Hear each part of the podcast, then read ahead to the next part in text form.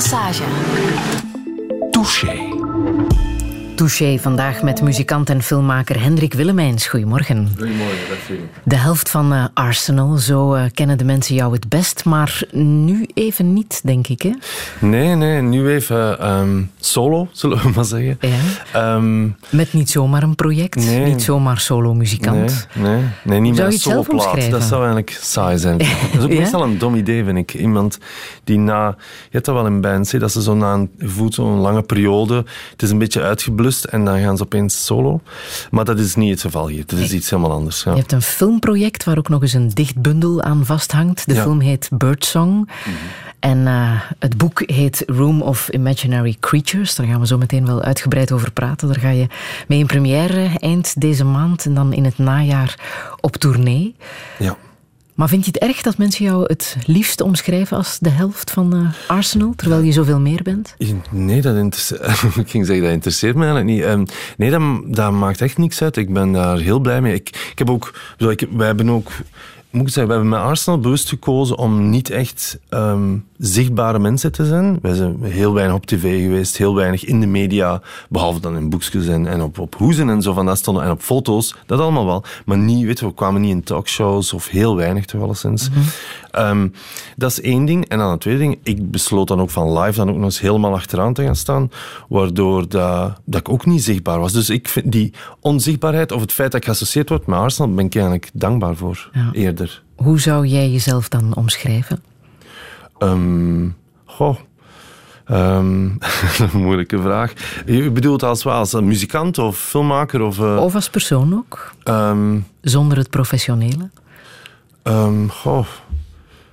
Hoe zou ik mezelf omschrijven? Um, ik weet het niet. Ik, um,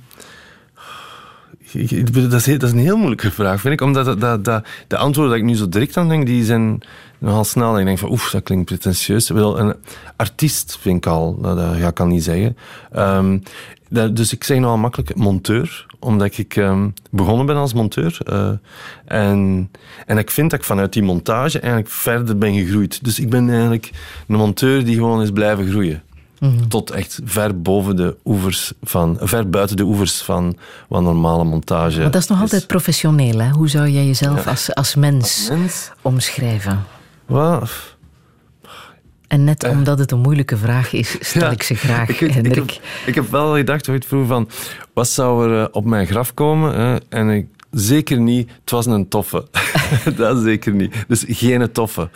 Um, ja, ik maar ook dat niet, natuurlijk. geen toffe. Geen toffe. Um, nogal indringend, denk ik. Ik denk dat ik um, ja, heel, ja, heel nieuwsgierig. En ja, dat is misschien wel een goeie. Heel nieuwsgierig. Um, als klein kind wou ik astronaut worden. En dan was dat eigenlijk vooral om ik weet niet, de grenzen op te zoeken. En die grenzen ben ik altijd wel blijven opzoeken. Dat is misschien wel ja, dat is ah. misschien een goede omschrijving. En hoger en beter kon je niet komen natuurlijk, in je dromen. Dan astronaut? Dan astronaut. Nee, nog altijd niet. Dat is nog altijd het hoogste. Maar... Kritisch? Klopt dat ook? Kritisch, uh, heel erg kritisch. Dat dat heeft zich ook ontwikkeld uh, tijdens mijn periode bij Woestijnvis. Heeft zich dat ontwikkeld. Daar werd dat eigenlijk, daar werd dat eigenlijk voor de eerste maal, hoe moet ik dat zeggen, daar werd dat geapprecieerd. Daar werd kritiek al gezien als een, als een talent. Um, en daar ben ik dat verder gaan ontwikkelen. Tot vervelens toe, hè, want ik ben kritisch over alles. Vind je dat zelf vervelend, dat je zo kritisch bent? Oh, ja, ja, ja, ik blijf kritisch tot, tot, ja, tot echt... Ja, dat gaat over ja, tot, ja, hoe moet ik het zeggen? Tot iemand die sterft. En ik blijf kritisch. Um, over, over, zelfs over gevoelens die, heel, die mensen gewoon eigenlijk aannemen als, als weten van, er is geen plaats voor kritiek dan nog ben ik daar met mijn kritiek. Zoals, oh my god, ja, ik, ik ga een begrafenis uh, bekritiseren. Maar, maar mijn liefde, hè. Mijn liefde, maar toch zeg van, ah, dat zou ik zo doen, dat zou ik zo doen. Dat, dat had ik niet gedaan, of weet ik veel. Ja. Dus... En heb je ondertussen geleerd om daar je grenzen in te stellen, te weten wanneer je wel en niet kritisch uh, kan zijn? Oh. Of vind je dat net dat het probleem? Dat mensen misschien voorzichtig zijn, terwijl ze evengoed kritisch zouden kunnen zijn? Ik, dat weet ik niet. Um, ik, ik weet het niet. Ik, ik denk dat ik daar gewoon probeer. Um, ja, ik probeer, zoals er is, ja, bedoel, kritisch zijn is maar van, ja, dat gaat maar over een standpunt op.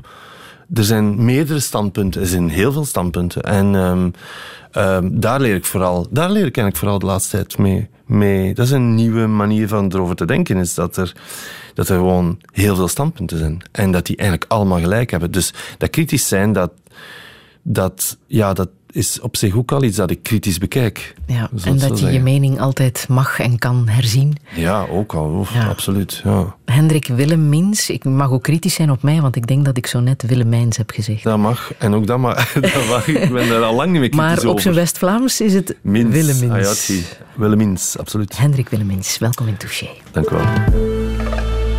Radio Friedel Massage.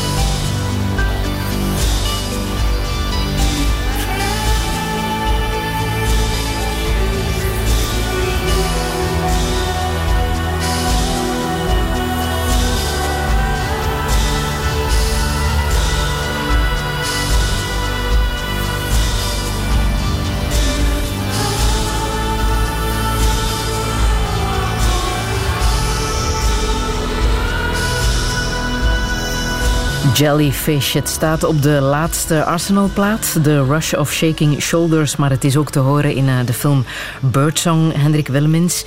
Um, muziek die uh, alles zegt over de film misschien, maar dat, dat, moet je dan misschien even uitleggen, die jellyfish, die kwal die door het beeld uh, zwemt.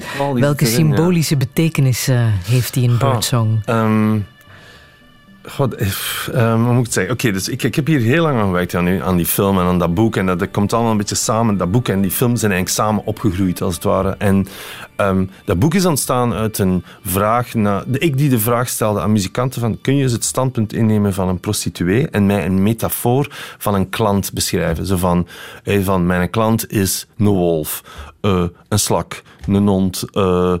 een hert. Ehm, en ik heb zo van heel veel... Ja, ik heb, ben, ben een jaar mee bezig geweest met dat boek en ben heel breed gegaan. Eerst alle Arsenal-muzikanten en dan verder dichters van over heel de wereld, bla bla bla. En het ding was van, dat ik eigenlijk een link maakte tussen... Ik maakte een link tussen muziek, um, seksualiteit, dus seks, en dieren en de dierenwereld. Omdat de dierenwereld, dat is de diversiteit, dat is de mooiste diversiteit eigenlijk. Je hebt, alle, je hebt ze alle vormen en maten en kleuren en, en ze bewegen ook. Sommige, sommige kruipen traag over de grond en zijn heel zwaar aan de zwaartekracht onderhevig. En sommige zijn precies niet aan de zwaartekracht onderhevig. Like een kwal bijvoorbeeld. En dus een kwal, dus, want ik... Want alles is eigenlijk begonnen met het, een klein gedichtje van William Butler Yeats. En dat zegt: um, In dreams begins responsibilities. En ik heb daar, daar heb ik eigenlijk, ben ik, dat is mijn start. Dat is mijn start dat ik denk van, oké, wat betekent dat gedicht? Wat is dat? In dreams begin, begin responsibilities. En wat betekent dat? Ja, voor mij betekent, want ik weet niet, ja, William Butler Yeats is ondertussen al lang dood en ik kan het hem niet vragen, maar voor mij is dat eigenlijk dat verantwoordelijkheid en dromen eigenlijk samengaan. Dat er eigenlijk zonder, dat, ja, zonder verantwoordelijkheid geen geen, hoe moet ik zeggen, uw dromen hebben verantwoordelijkheid nodig om tot leven te komen. Dus van, jij kunt dromen van muziek, maar je moet verantwoordelijkheid nemen voor je muziek. Dat is, dat is een heel belangrijk ding. En bijvoorbeeld in muziek is bijvoorbeeld, ik zeg maar, een jam sessie. Dat is muziek zonder verantwoordelijkheid. Dat is gewoon, en we maken gewoon, en heel veel muziek is zonder verantwoordelijkheid. Gewoon van, oh, we maken gewoon iets en hoep, hoep, hoep, en we laten het leven.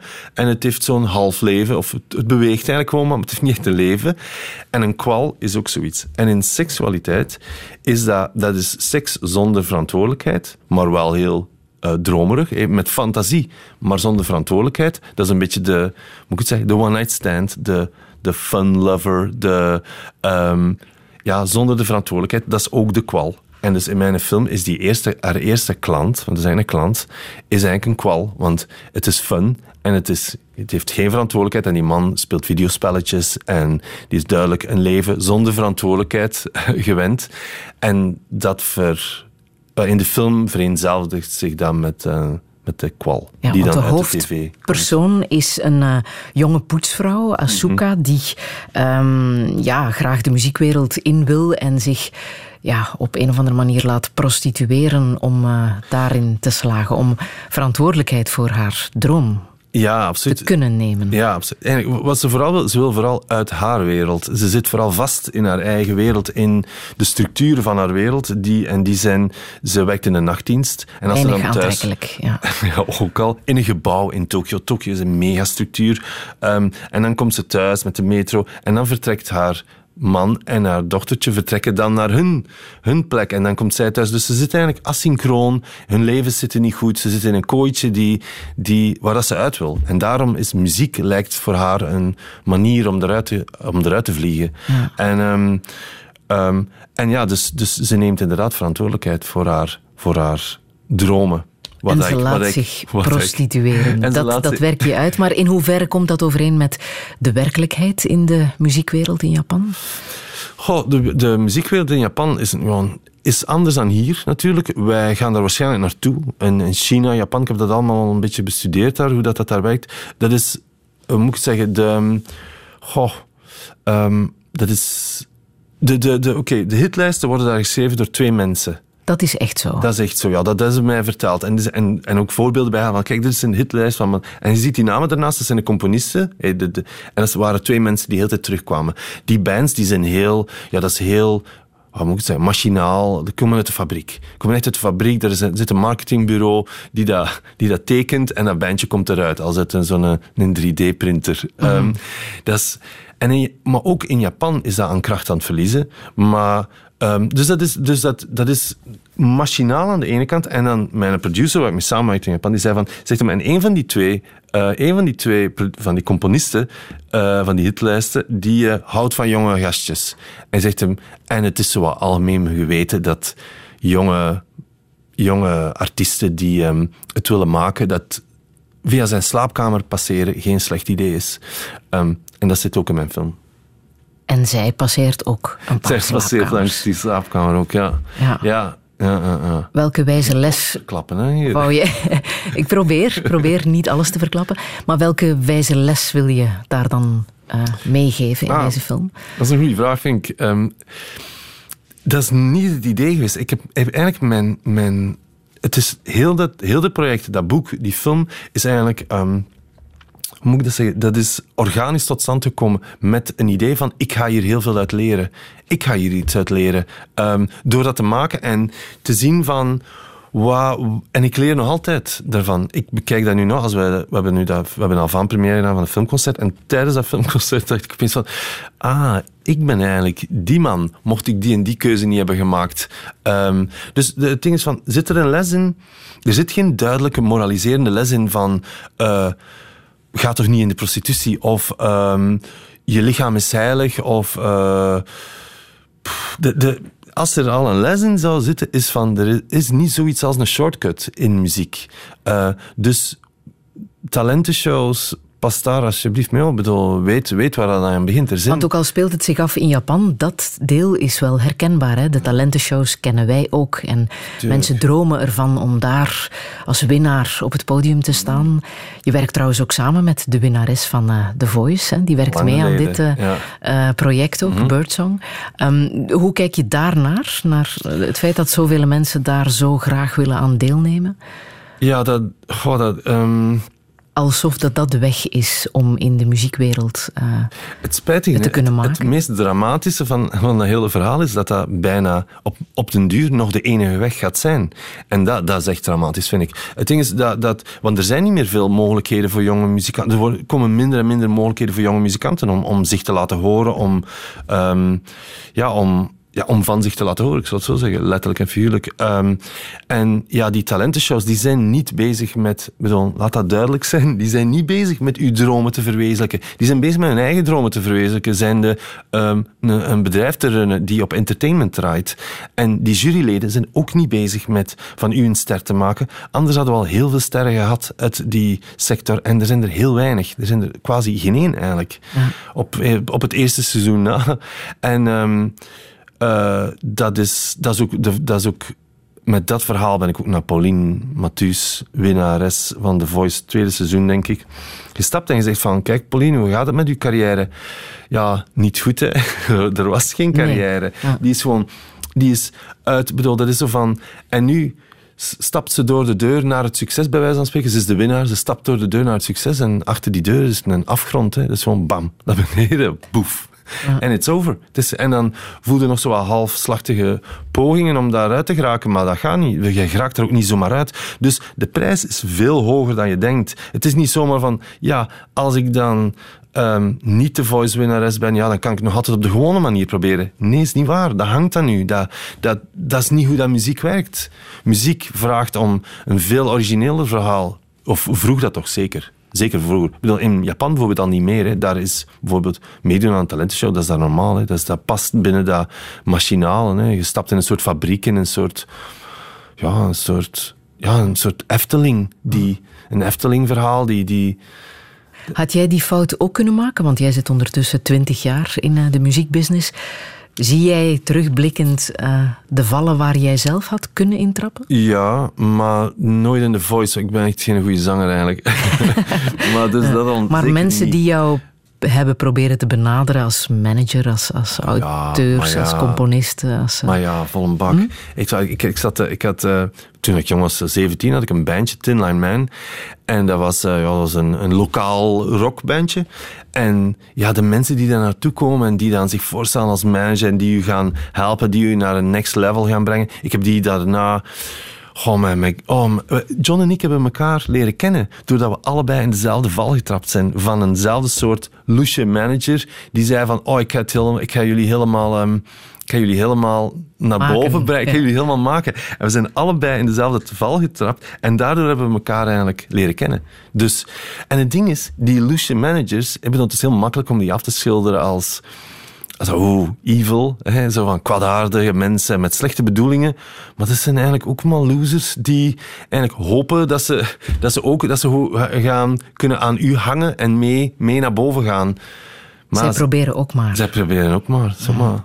Je bent dit gaan filmen in Japan. Waarom in Japan? Dat is al het tweede project trouwens. Ja, het tweede project, ja. Daar uh, hebt gefilmd. Dance, Dance, Dance. Heb je daar ook uh, gemaakt? Er zijn verschillende voordelen aan in Japan filmen. Um, Eén, het eerste voordeel voor mij is, ja, ik, ik uh, ondertussen heb ik daar, zeker na Dance en Zens, heb ik daar een netwerk van mensen waar ik mee samenwerk. Dat gaat tot cameramensen, tot echt een hele ploeg dat ik kan mee samenwerken. Um, dus dat is makkelijk. Ten tweede, dat is een heel visueel land, Japan. Um, een hele visuele cultuur. Bedoel, je, je, kent de beelden van Tokio en neon. En gewoon het licht in Tokio is al anders. En, um, en dat is te zien in de film, hè? prachtige beelden. Ja, stuk voor stuk, schilderijen. Ja, ja denk wel. Denk wel. Ja, het, is, het, is, um, het, is een, het is een prachtig land. Ook hun natuur is, is prachtig. Het is een fantastisch land. En het derde is, en dat is misschien het belangrijkste, is dat door ver weg te gaan van België, kan ik een verhaal uh, vertellen die mocht ik het dicht vertellen, die heel, op heel veel um, weerstand zou botsen. Hier in België kan ik niet zomaar een muzikant, een prostituee laten worden. Dat kan ik wel in Japan, want dat is ver weg. dat is ver weg en dat, dat bekijkt dus bijna like een, een comicstrip. Dus ik, ik, kan, ik kan een vrouw seks laten, een muzikant seks laten hebben en dat daar dan een kwal uit de tv komt en niemand kijkt daar echt heel raar van op. Want dat is Japan en dat is zo het is kan dat. Mocht ik dat in Vlaanderen doen eh, en dan komt er een kwal uit de tv, ziet iedereen van oh my god, je hebt me al lang verloren, ik ben al lang weg. dus dat is, ja, dat is toch wel belangrijk.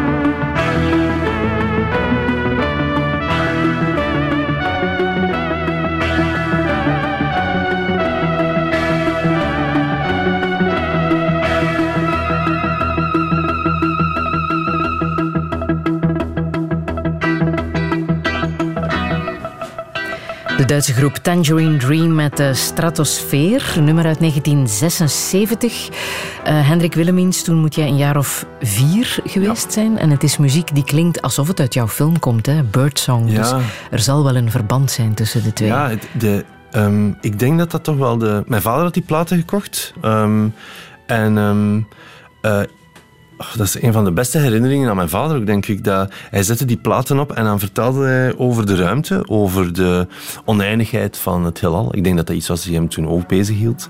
Ehm, en die muziek in combinatie met dat beeld van oneindigheid, heelal, dat heeft mij, ja, dat heeft mij levenslang gevormd. En die muziek zit... Ik, ik, ja, ik, ik voel dat die muziek terug naar boven komt in, in Birdsong. Dat ik die... En live ook maak dan. Wat voor band had jij als kleine jongen met jouw vader? Wel, behalve dat verhaal, niet zo'n goede band. Uh, we hadden niet zo'n goede band. We, waarschijnlijk allebei...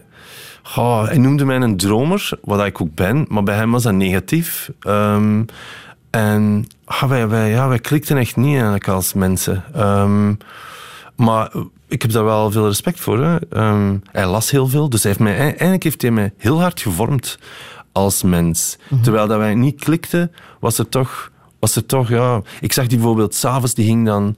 Um, ik zeg maar iets, om zeven uur ging die naar zijn, naar zijn kamer. Naar zijn, naar de, hoe heet het, ouders zijn kamer. Ging naar zijn bed. En dan las hij daar.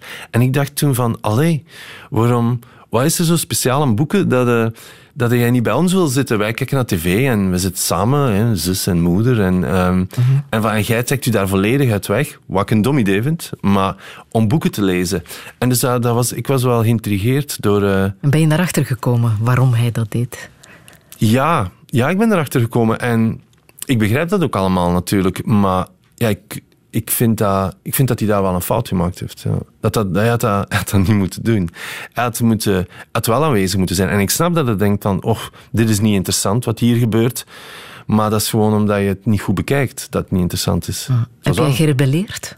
Je ziet eruit als iemand die zwaar heeft gerebelleerd. Oh, ik, ja, ja, absoluut. Ik heb... Um, ik heb een heel zware puberteit gehad. Of bedoel, zwaar, relatief. Bedoel, um, relatief. Zwaar, Voor veel relatief. mensen zal het wel zwaar zijn. Het was van, van tot... Um, goh, um, Oké, toen mijn ouders gingen, toen ik 14 was, ja, kwam er, bestond, ontstond er een machtsvacuum bij mij thuis. En toen mijn moeder, die eigenlijk een beetje ontredderd achterbleef, dat is nogal vaak, dat is nogal vaak geval in zo'n situatie. En zeker in de jaren 80, bedoel, er was nog niet echt zo'n... Nu is er veel meer, er is veel meer info voor vrouwen, voor van, oké, wat moet je allemaal doen?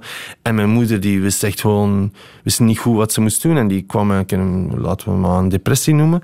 En twee jonge kinderen, eh, jong, 14 en 17, mijn zus en ik, en wij, um, ja, ik, ik, en er kwam, een, er kwam een puberteit opsteken en ja, dat, dat ontaarde in een soort, ik weet niet, ik, ja, ik werd een beetje ja, rebels tegen niks. Hè. Ik bedoel, echt boel maken op school en buitenvliegen op school en pikken in winkels en echt baldadig gedragen. Ik bedoel, toch wel, ja, toch wel. Ik, ik weet dat in Torhout, Torhout werd ik echt aanzien als echt een beetje als trash. Ik mocht bijvoorbeeld, ik had een buurjongen en uh, die zijn ouders wouden niet meer dat, dat die in contact was met mij. Um, ik had een vriend, ik was verliefd op een meisje en die zei, uh, die zei, we hadden zo'n date en we gingen iets drinken samen. En die zei, mijn broer zegt dat jij een dief zet. Oh my god, dat was echt zo. Was. En dat was waar. Ik, ja, dat ik had een periode gehad waarin dat ik gewoon, I didn't care. Het was, het was, het was en dat ben ik ook, en ja, ik ben ook ben ook gepakt geweest hè, daarmee. En, en, dat, dat heeft dan, en dan, dat heeft me terug op het rechte spoor wel gekregen. En, en dat is wel een... Um, ja, dat, is, dat was een wijze les. En op welke oh, manier dan? Je bent... Ja. Oh, zo vernederend. Ja ineens bij het, uh, op het politiekantoor je daden moeten gaan verantwoorden. Ja, maar Torhout is een heel klein, klein, klein stadje. Nee? Dus dat was zelfs niet eens op politiekantoor. Dus gewoon iedereen wist dat gewoon. dat was het hele dorp veel was op de ja, hoogte. Ja. ja. Torhout heeft natuurlijk nog een andere reputatie in de jaren tachtig. En uh, de jaren daarvoor Rock Torhout. Ja. Het uh, beruchte festival dat toen nog tweeledig was. Ja. Eén dag in uh, Torhout en één dag in Werchter heb jij allemaal meegemaakt. Ja, en van heel, heel dichtbij. Ja. Dat, dat, was, um, dat was letterlijk in mijn achtertuin. Was dat mijn voortuin eigenlijk. Maar... Uitlaatklep? Want um, ik denk dan, ik kom uit dezelfde buurt, met goede cijfers mocht je naar Rock Torhout. Ah. Hoe ging dat bij jou? Dat, was, dat, dat, dat ging dat ging niet tegen te houden zijn, denk ik. Ik had ook goede cijfers nog in die cijfers. periode. Ah, ja, um, ja dat, dat, het, wat dat vooral het strafste daaraan was voor mij, was um, dat muziek en eigenlijk de cream van de wereldmuziek eigenlijk in uw achtertuin, voortuin, speelt, dat, ja, dat, dat brengt de wereld heel dichtbij. En ik denk wel dat mij dat enorm heeft beïnvloed ook. Um, er was een uitlaatklep, er was een, een vlucht. Uh, ja, dat, een mogelijkheid. Ja, dat um, kon ook. Ja, dat op kon. dat podium geraken. Ja. Ja, en toch, en ik zag mezelf nooit op dat podium staan terwijl ik er heel veel heb opgestaan. Ehm, zeven keer? Ja, ja, zeven keer. Ja, ik weet het al niet meer. veel. En wat was, hadden ze mij toen moeten, ik weet niet, zeg maar, 14 jaar moeten zeggen van hier, Hendrik, als je dit contract tekent, dan moet je roadie zijn. En moet je op tour gaan met bands en gewoon sleuren met, met grief. En ik had direct te tekenen. Dat, van, my, dat, dat, leek me, dat leek mij misschien iets die misschien ooit haalbaar was. Erop staan, zover. Er, ik, ik, was precies, ze hadden mij van thuis uit afgeleerd om veel te dromen. Hmm. Dat, ja, dan frons je de wenkbrauwen. Dat is, dat is geen goede manier om kinderen op te voeden. Nee, ik zou dat niet doen. Ik, zou, ik, ja, ik weet dat ik, ik weet niet, heel jong was en dat ze vroeg van, wat wil je later worden? En ik zei astronaut. En ze zeiden, nee, dat gaat niet. Je zei niet goed genoeg in wiskunde en uh, nee, je bent echt niet slim genoeg daarvoor. En het was echt zo'n koude douche. Ik herinner me nog altijd van die onthoogeling van... Van, seriously? Echt waar? Kan ik niet ben echt nog klein. echt nog klein. Mag ik niet dromen? Maar je bent dan Pol, uh, en Sok gaan studeren. Niet afgestudeerd weliswaar, maar dat was wel jouw eerste studie. Ja. Met welke ambitie dan? Goh, ik denk van een soort... Misschien om mijn moeder te behagen om een, uh, een universitair diploma te halen. En um, die wou dat heel graag. Um, dat, die komt van zo'n wereld waarin dat een universitair diploma alles betekent. Um, en, um, en omdat ik, weet je, een pol en sok, hè, ze noemen dat ook zo, de vuilbak, hè, zo van mensen die het niet goed weten, die gaan pol en sok. En ik wist het ook niet goed. Dus ik, ik ging naar pol en sok. En, maar binnen de pol en sok waren er toch veel mensen die het veel beter wisten dan ik. En ik heb het daar niet lang uitgehouden eigenlijk. Ben je naar de filmschool getrokken? Ja. Dat film, bleek wel een goed idee. Ja, toen heb ik gedacht van, oké, wat doe ik wel graag? Wat zou ik echt willen doen? En dan dacht ik van, ja, muziek. Ik doe graag muziek. Ik ga geluid doen, optrits. En dan bleek dat ook een foute keuze, want geluid dat was helemaal, dat had niks met muziek te maken. Dat had alles met geluid te maken. En al die geluidsmensen, die, die mensen die geluid studeerden in mijn klas, die luisterden naar bands omdat ze goed klonken, niet omdat ze goed waren. En die dachten van, damn, dat is ook fout. En dan ben ik een montage gaan doen, omdat niemand dat deed. Er was maar één gast die montage deed van mijn jaar. Uh, en dan denk ik van, oké, ik ga dat ook doen. Want ja, daar is duidelijk werk aan. Uh, werk in, zeker hier in deze school. Want ja, al die eindejaarsstudenten waren op zoek naar monteurs en er was er maar één. En dat bleek een goede keuze, want ja, dat is de beste daar mocht je dromen, daar mocht je verhalen maken. Ja, daar, daar, daar, bedoel, ja, daar kon ik... Ja, dat werd geapprecieerd en, en daar, kon, daar kon ik iemand worden. Dat was wel een, was een hele goede, hele goede voedingsbodem.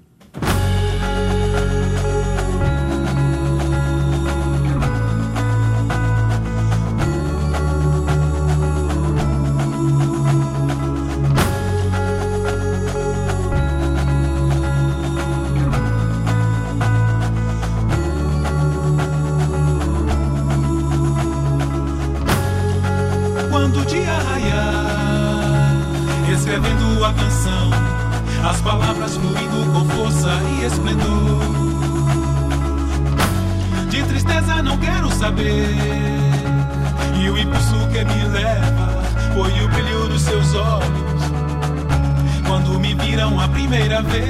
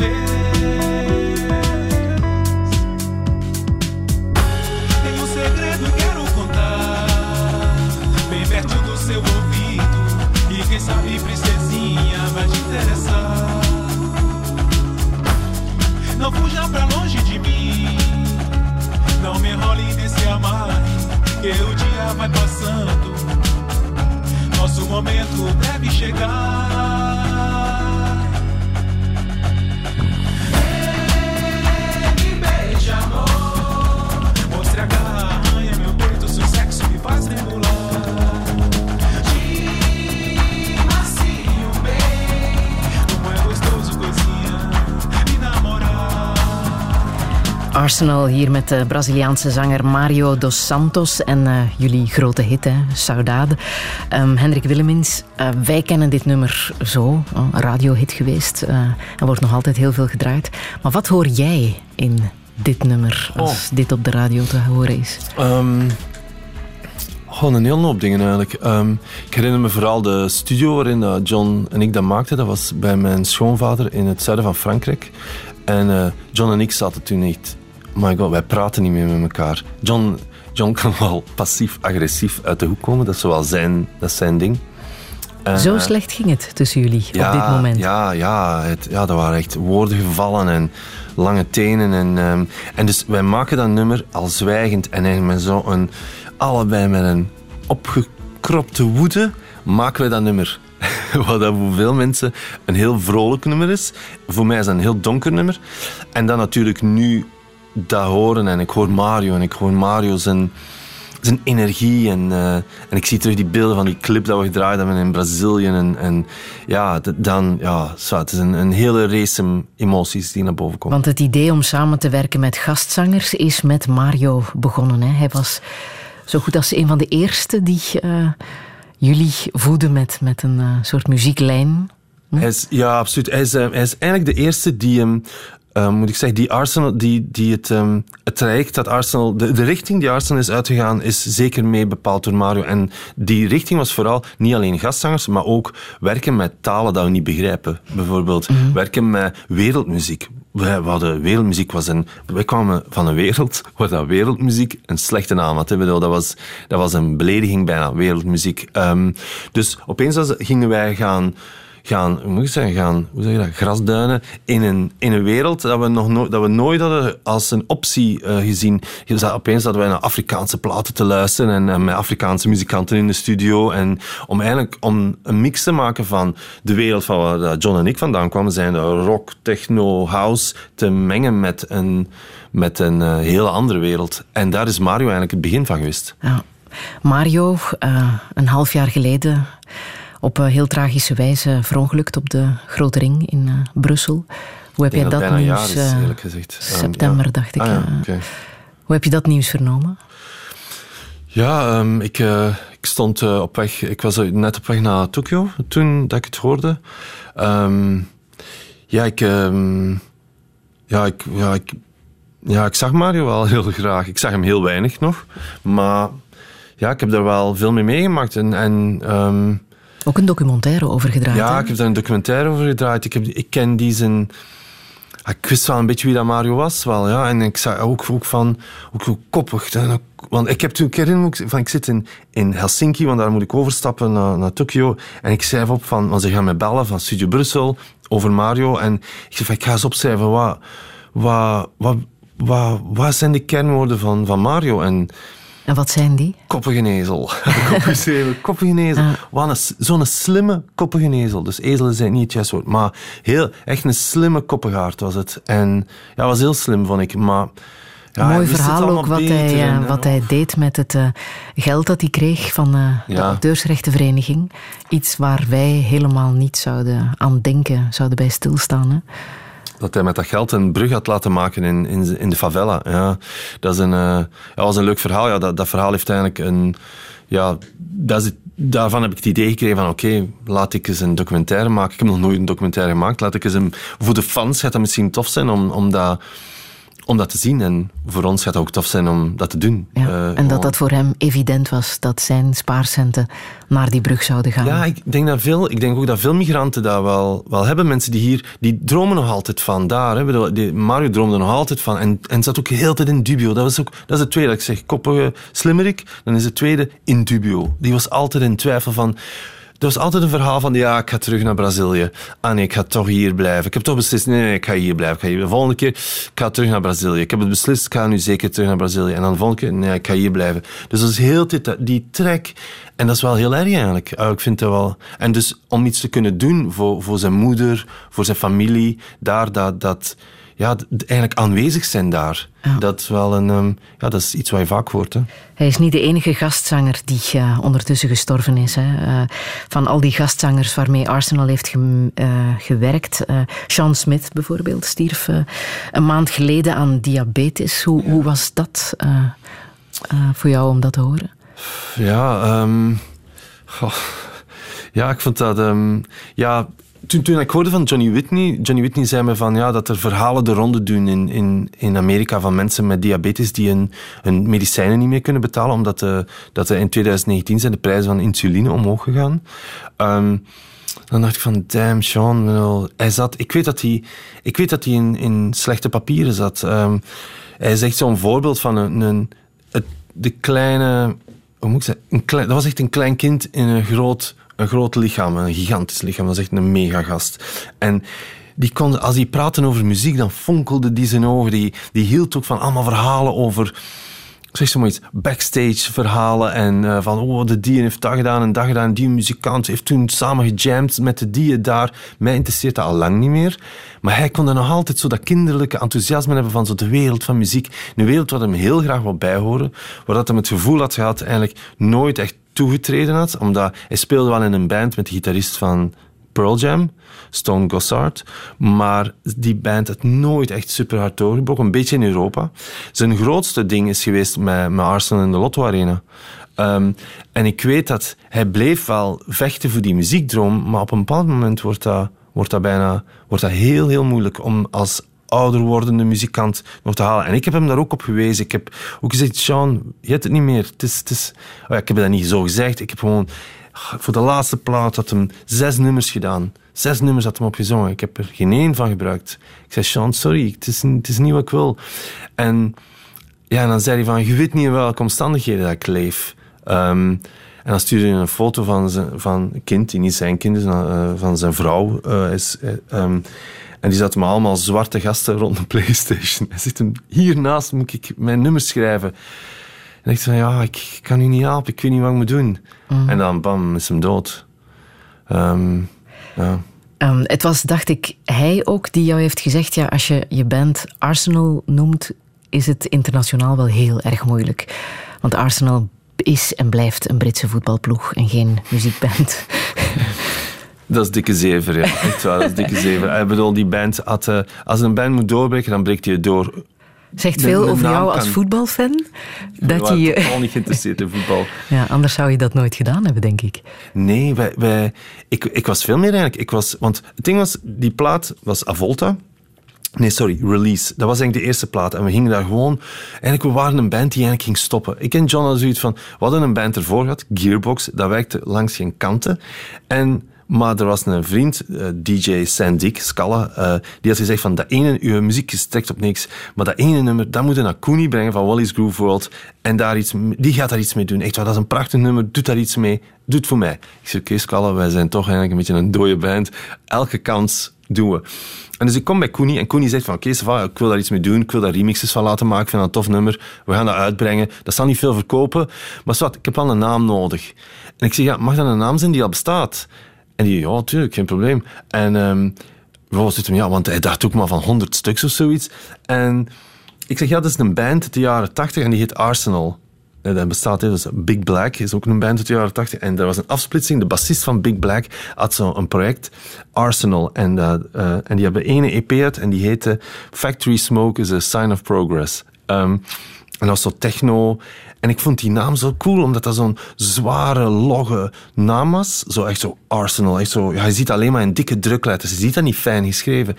En onze muziek was tegenovergestelde van dat. Was echt zo heel lichtvoetig. En, en, en ik van, ik wil daar een zware naam voor. Ik wil zo'n contrast. En ik zeg, ja, dat bestaat wel al. En, en zei, ja, dat maakt niet uit. Koenie die bracht ook bootlegs uit en zo van, dat is he didn't care. En um, dus zo is eigenlijk de naam ontstaan. Dus eigenlijk niks met je voetbal te maken. En het grappige is, toen Akuni daarna, daarna ja, dus dat was een hit, die dinges. Die, die EP was een hit, dat werd iets, dat, dat ontplofte.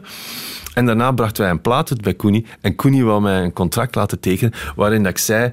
Uh, waarin ik zei dat ik alle... Als er ooit een vraag kwam van Arsenal, dat ik dat volledig op mij ging nemen. En toen heb ik gezegd van Koenie, no way man. Je dat, we hebben dat samen beslist.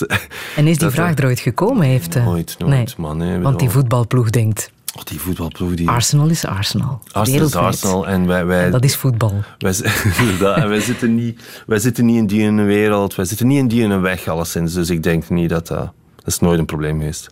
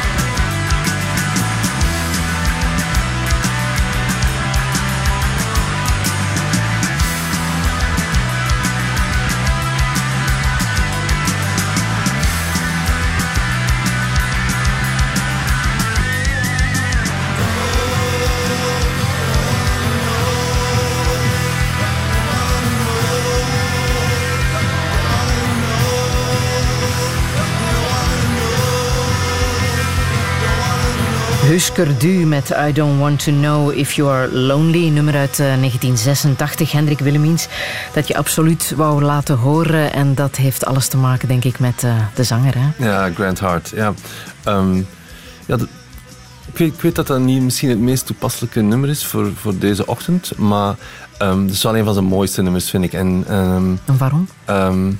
Oh ja, dat is ook een, goede, een heel goede plaat waar dat er vandaan komt, Candy Applegrey. Um, het grote succes eigenlijk. Ook zo'n typisch verhaal van een band die eigenlijk heel veel platen maakt, heel goed bezig is en dan succes heeft en dan eigenlijk uit elkaar dondert. Um, ja, en, en Grant Hart, zijn kwaadheid zit hierin en zijn poëzie. Ja. Um, ook al gestorven, hè? Ja, ook gestorven. Twee jaar geleden. Ja. En de bundel heb je aan hem opgedragen, de dichtbundel die je hebt gemaakt, uh, Room of Imaginary Creatures. Hij heeft er ook een, uh, een gedicht voor geschreven, hè? Ja. ja. Is het iets om voor te lezen? Um, Inuit heet het, hè? Ja. Uh, of wil je het liever vertellen, want het is natuurlijk in het Engels. Ik wil het liever vertellen eigenlijk, maar... Ja. Um, oh, ik, maar ik, kan, ik, maar ik heb een bril niet mee zelfs. Nee, ik zal, gewoon, ik zal er gewoon over vertellen. Het, het grappige is van... Grant Hart was... Um, hij was, een, was ook een koppige, een koppige gast en was een vriend. Ik, bedoel, ik, ik, ik, ik kan zie hem wel als een vriend. Um, uh, ja, ja, ik heb en heel waarom? veel... Ja, Wat maakte jullie tot vrienden? Hij heeft ooit een hele lange brief naar mij geschreven. Um, en ik weet dat niet. Dat, dat, dat, is, dat, ik, ik kan zie die brief als mijn, een van mijn belangrijkste bezittingen. Um, ja? ik, herle, ik, heb die brief één keer gelezen. Ik ga die ooit nog eens herlezen. Maar niet, ik, wil dat, ik wil dat dat zijn, zo ik precies zijn kracht houdt.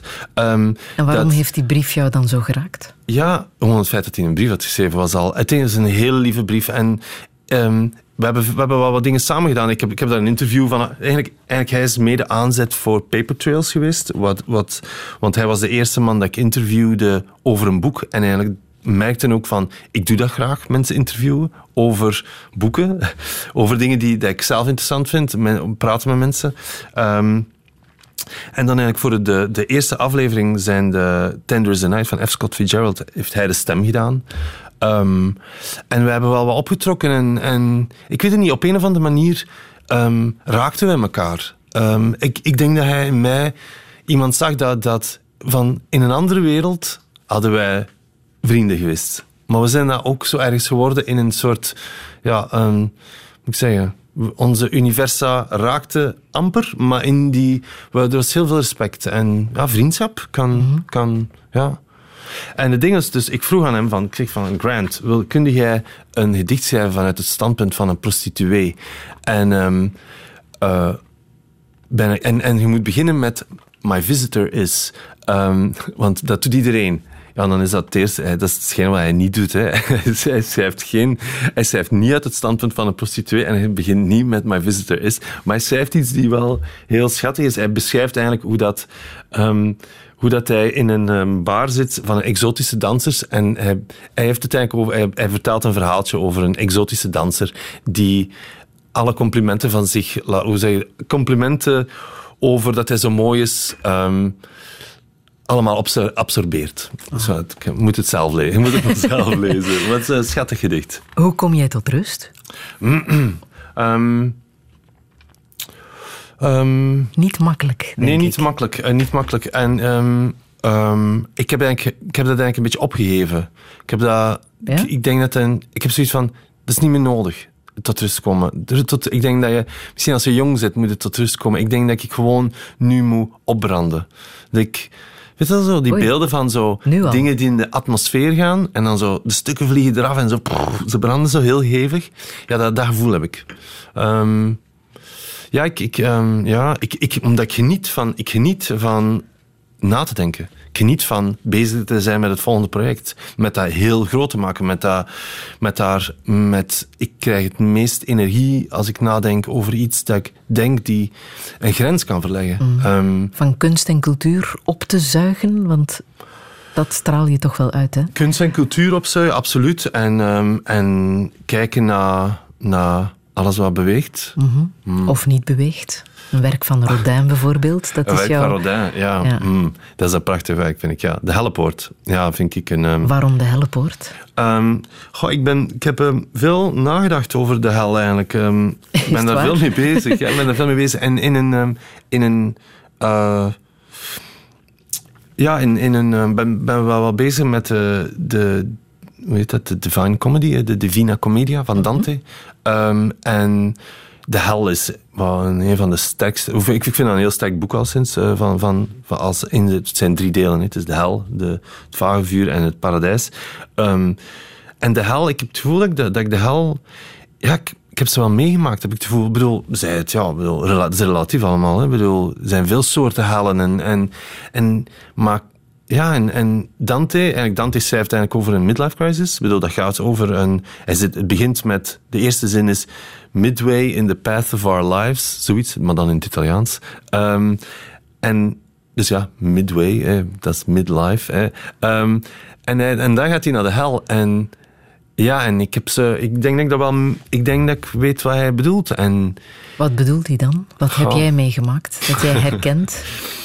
Die midlife-crisis? Um, ja, die midlife-crisis, dat is een... Um, ja, een, eigenlijk, eigenlijk vond ik een, ja, is een heel interessante periode. Een, een periode van, van, terug in een, uh, van terug in een transformatie te zitten. Van eigenlijk iets die, die terug losbreekt. Eigenlijk heel erg vergelijkbaar met, een, um, met de puberteit. Eigenlijk bijna, ja, een, bijna een resonantie van die puberteit. Dus daar ben ik ook heel veel over gaan nadenken. Um, dus ja, iets die ja, ik weet niet. Ja, een transformatie. En ik ben nu wel een ander mens dan voordien. Ja. Ik heb nog muziek uit de film uh, Trust van Hal Hartley. Um, waarom heeft die film jou zo geraakt? Film uit 1990, hè? Eenvoudige film? Dat, dat is een, eigenlijk een film, dat is een simpele film. Maar als je zou vragen aan mij van, van wat, is uw, wat is de grootste film uit je leven, dan is dat 2001 Space Odyssey. Maar dat is zo'n supergrote film. Dat, dat, dat is zo'n monument, zo'n supermonument. En ik van, ga eens kijken, van, wat zijn er geen kleinere, ook heel, heel dingen die me geraakt hebben, heel, films die me geraakt hebben. En Hal Hartley, Trust en Simple Man. En die zijn oeuvre, dat, dat, was op een moment, wij waren toen, ik weet niet, ja, 21, we zaten in de filmschool en die films kwamen uit en ik was 19. Ik was 19 en ik zat... Ik was, ik was altijd alleen in Gent en ik ging altijd, elke, bijna elke dag naar het cinema. En dat soort films toonden zo van... Ik weet niet, een mogelijkheid van... van ah, om, om met weinig middelen toch verhalen te vertellen. En dat was aandoenlijk.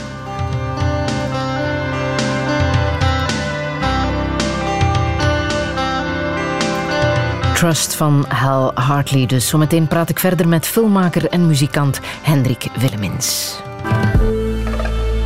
Radio 1. 1. Friedel Lassage. Touché. Touché, vandaag met filmmaker en muzikant Hendrik Willemins. Eind mei gaat hij in première met een totaalproject, Birdsong. Een film waarbij hij live muziek speelt. Deze keer zonder zijn vaste Arsenal-compaan John Rowan, maar met Pauline Mattheus. En daar hoort ook een dichtbundel bij, want er kan niet genoeg poëzie zijn. In zijn leven is alles inspiratie. Zowel een reis naar Japan als een film over vertrouwen, als een gesprek over het leven. Alles doet hem dromen over meer. Maar wat is dat, het leven? Wat is het voor een boekenliefhebber? Uh, wat is de ultieme roman en hoe moet het verder? Dit is Touché met Hendrik Willemins. Een goedemiddag.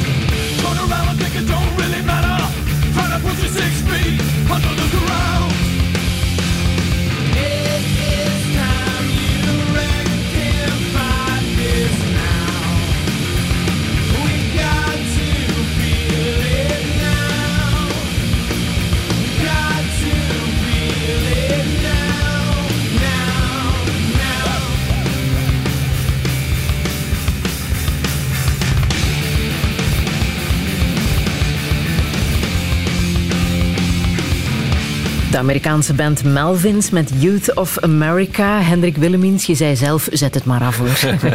nummer duurt negen minuten. Nummer duurt negen minuten, ja, te zijn. Um, het is nogal een, uh, het is nogal een hard nummer voor uh, het ochtends vroeg. Het is uh, trouwens een cover, hè, want het is de Melvins die de Wipers coveren eigenlijk. Wipers, ook een fantastische band. Melvins ook. Maar, maar waarom wou je het laten horen? Goh, het, het, het, is een nummer die mij, um, die mij heel emotioneel maakt, maakt eigenlijk, omdat um, um, het, het is een nummer waar ik heel veel naar geluisterd heb toen uh, na de Bataclan-aanslagen. Um, was dat twee jaar geleden? Um, ik, ik, kwam toen, uh, ik, zat, ik had alleen Elvis is blijven bestaan gedaan. Dus uh, dat was al een emotioneel ding. Ik bedoel, dat is al een, dat is een intense trip met Thomas van der Weken in een tv-studio in, uw, in uw ziel graven, bij, bij van spreken. En dus dat was gebeurd en ik kom buiten en we zitten in de onschminkingsruimte. En de schminkster zegt, er is iets aan het gebeuren in Parijs. En ik van, oké, ja, eh, ja, er is iets aan het gebeuren in Parijs. Oké, okay, va. En met die kennis gaan we naar huis. En, en zondag hoor ik wat er gebeurd is. En um, ja, dus ik weet niet hoeveel mensen dat er neergeschoten zijn, neergemaaid in, in die club. En dat is mijn wereld. Dat is mijn wereld. Die, een club, ik weet, ik weet hoe dat is. Ik, ik ken, ik, ik heb dat... Ik was daar niet en ik was daar wel. Ik heb dat meegemaakt. Ik... Uh, En ik zag die foto's dan nadien, ik weet niet welke krant dat was, Standard of the Morning, die, die foto's publiceerde van de slachtoffers. En dat was ons publiek, bij wijze van spreken. Dat waren mijn mensen.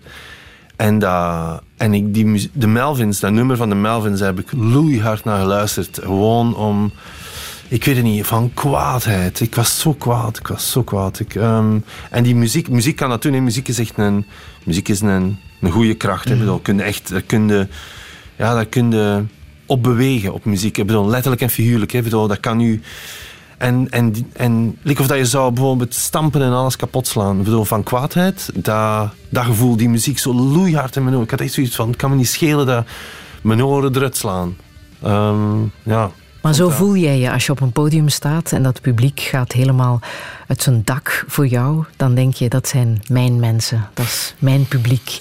Die staan uh, hier voor, voor mij. Dat, nee, dat denk ik helemaal niet. Ik heb ook niet dat die, het gevoel dat die daar voor mij staan. Die staan daar echt niet voor mij. Dat denk ik zeker nooit. Voor jouw muziek? Die staan daar, ja, die staan er voor ons. Die staan daar voor ons. En eigenlijk zelfs, en bedoel, dat klinkt heel melig, hè, en ik ben helemaal niet melig, maar we staan daar precies allemaal samen wel. Het ding is van, want die, eh, dat publiek en Arsenal, dat is eigenlijk wel één, dat is eigenlijk samen in een, dat is het is samen dat we het doen. Bij wij, een optreden van Arsenal doen we bij wijze van spreken samen. Hoe, echt, ik voel dat dat melig klinkt, maar dat is niet zo'n bedoeling. Dus, en, bedoel, en dan sowieso, bedoel, John is veel meer, staat veel meer vooraan de, de, de boel te dirigeren dan dat ik dat doe. Ik, ik ben gewoon, ik ben op dat moment ben ik een muzikant, ben ik mee de, een beetje dirigent, maar vooral muzikant uh, van het peloton. Het nieuws uit Parijs nu, dat is het nieuws uh, over de gele hesjes, wat jou ook heel erg uh, bezighoudt. Dat, Waarom precies? Dat, dat, stoort me, dat stoort me, dat nieuws. Ik, um, om, voor verschillende redenen. Omdat um, het stoort me dat... Uh, ja, het stoort me dat Parijs getrashed wordt. Die beelden, ik ben echt... Boah, ik, word daar, ik word daar lastig van. Ik vind Parijs een prachtige stad. Ik vind, gewoon, ik vind auto's in brand steken. Oh, ik, ik haat het. Ik, ik, ik, ik, zie het echt niet graag. En dan, ik snap, ik snap ik snap het gevoel van niet gehoord te worden en, en ik begrijp dat. En ik weet ook dat dat een probleem is van niet gehoord te worden. Van, van, dat is een probleem in deze maatschappij, in, in de wereld. Um, er zijn dingen, bepaalde dingen die heel luid gaan. Ik zeg maar iets, als Trump iets zegt, dan klinkt het heel luid en iedereen pakt het op. Voor- en tegenstanders pakken het heel luid. Zelfs al is het echt kwatsch. En mensen, er zijn mensen die het gevoel hebben, we hebben geen stem. En dat, hoe moet ik het zeggen... Maar dat hebben ze wel. En ze, ze kunnen wel. En zeker in groepen, als ze zich groeperen. En als ze, ze kunnen heel veel doen. En er zijn heel veel manieren. Maar je moet daar harder over nadenken. En iets kapot slaan. Iets, iets um, wat ze doen, die, die, die agressie eigenlijk, die vind ik, doet me bijna denken aan aan een verkrachting. Je kunt ook zeggen van, ik krijg geen liefde, ik ga u verkrachten. Zo van, ja, en dan kun je zeggen van, ja, maar ja, ik kreeg geen liefde. Nee, nee, inderdaad. Maar daarvoor doe je nog niet wat je hebt gedaan. Ik bedoel, dat doe je niet. Ik bedoel, ik, ja, dus, dus dat ik ben daar, ik ben, ik begrijp het, maar ik, ik ben niet akkoord. Het gaat natuurlijk over de bezorgdheid, uh, over hun toekomst en de haalbaarheid. De, um, hoe zie jij de toekomst uh, van de muzikanten, jouw eigen toekomst? Uh? Um, ik zie dat... Um, is dat leefbaar? Een muzikant zijn in 2019? Ik zou het mijn kinderen niet aanraden, al sinds om het te doen. Maar bedoel, dat, dat is niet zo raar. Mijn ouders vonden dat ook geen goed idee dat ik dat zou gedaan. Ik heb, dat ook niet, ik, heb er ook niet voor gekozen.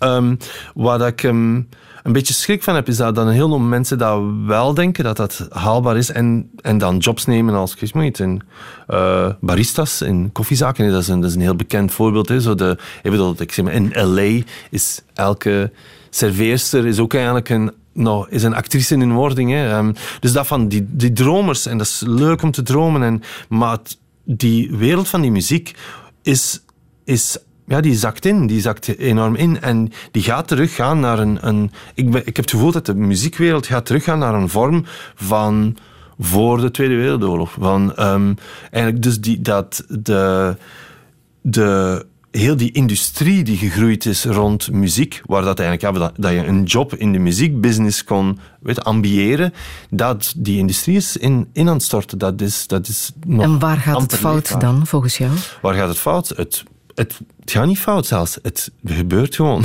Het, het is gewoon aan het... Het dooft uit. Die energie is op. Die, um, de ja, ik, ik, heb, ik, heb een, ik heb een lange tijd gedacht, van, bedoel, zoals veel mensen van oeh, Spotify maakt, maakt de business kapot. Even eerst illegaal downloaden maakt de business kapot. Spotify maakt de business kapot. Maar nu, zoveel jaar later, denk ik van nee, dat is gewoon, ja, de business gaat gewoon kapot aan, aan tijd er, is, er gebeurt niks nieuws, er, gebeurt, er, komt geen nieuwe energie bij, er is te veel volk, er is de democratisering die is ingezet in het makkelijker maken van muziek te maken, het makkelijker maken om je muziek uit te brengen, heeft ervoor gezorgd dat er waanzinnig veel muziek is.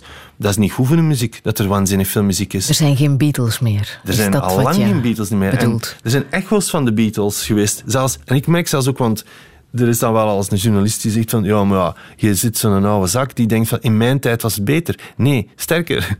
Ik zie zelfs dat in mijn tijd het al nogal geen vette niet meer was eigenlijk. Dat in mijn tijd, bands dat ik zag als vernieuwend, zie ik nu als kopies van, van wat vooraf ging. Van, van, van bedoel, een band als The Screaming Trees. Ik was grote fan van Screaming Trees. Ja, nu zie ik dat als een, een, eigenlijk een echo van de Beatles, vooral de Doors zit daar eigenlijk heel hard in.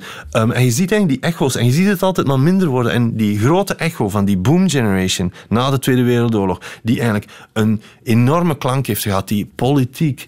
Uh, filosofisch, cultureel, popmuziek eigenlijk gewoon een kracht gaf die, die wave die daar ontstaan is, is nu aan het weg hebben. En wordt iets... bedoel, bandjes zijn al... Eigenlijk bandjes zijn al bijna zo goed als dood. bedoel, dat bestaat eigenlijk al bijna niet meer. Je ziet nog zo wat... Je ziet nog wat individuele artiesten. Je ziet nog wat muzikanten die nog wel individueel nog zo even een, moment, even een momentje hebben. Dat gaat wel blijven bestaan. Dat is niet... En dat heb ik lang gedacht van... Het gaat helemaal doodgaan. Nee, het gaat gewoon heel laag gaan. Maar het gaat wel blijven bestaan. Muziek blijft bestaan. Muziek is... Maar wat zou er dan moeten gebeuren? Op welke manier zou de muziekbusiness zichzelf kunnen heruitvinden? Anno 2019? Um, ehm, er, um, eerlijk gezegd, ik denk niet dat dat kan. Ik denk niet dat de muziekbusiness zich kan heruitvinden. Toch niet toch niet de muziekbusiness. De ding is van, de grote talenten zijn al weg uit de muziekbusiness. Die zijn naar ergens anders gegaan. Um, de, de, de, de muziekbusiness, omdat het een leeglopend...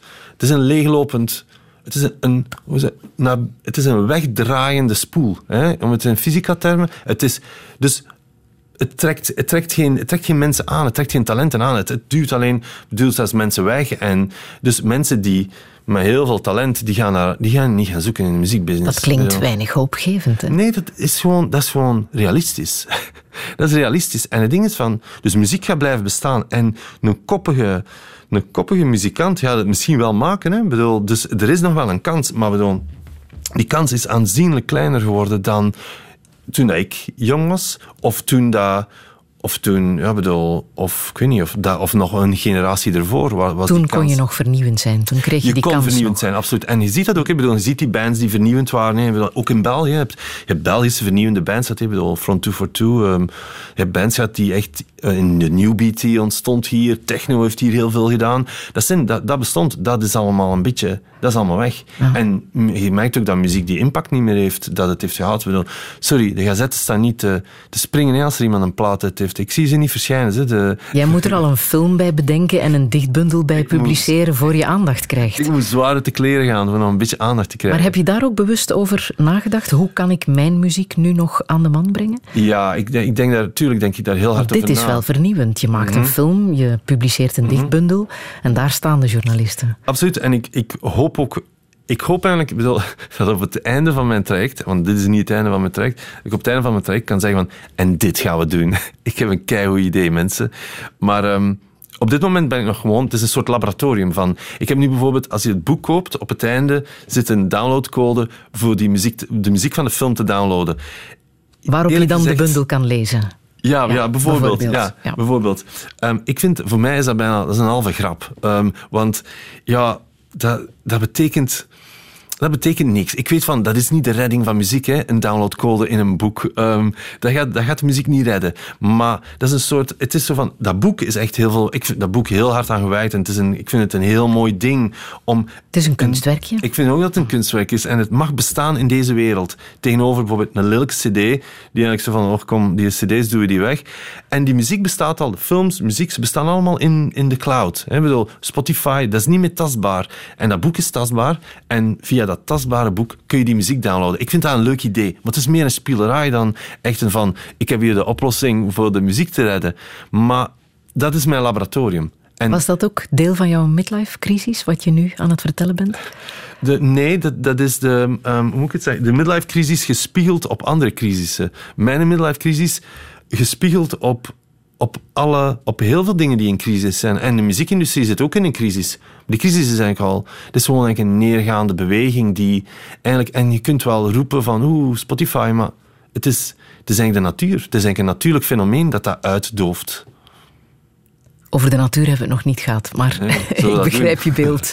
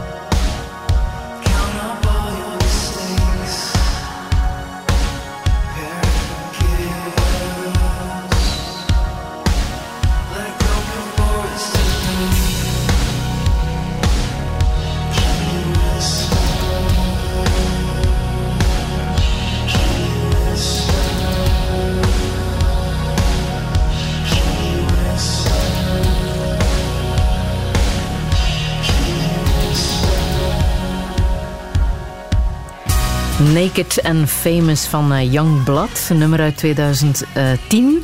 Hendrik Willemins, en daarbij zeg je, dat vat een beetje mijn verhaal samen. Wat bedoel je daarmee? Ja, um, het verhaal van mijn film. Um, het, ja, het ding was, ik zat in Tokio en ik, um, ik zat daar twee maanden. Dus eigenlijk een maand om een film op te pakken. Niet een maand te draaien, maar echt gewoon de hele productie eigenlijk, uh, op gang te zetten. En nog een maand om mij een missing link in mijn scenario nog aan te passen.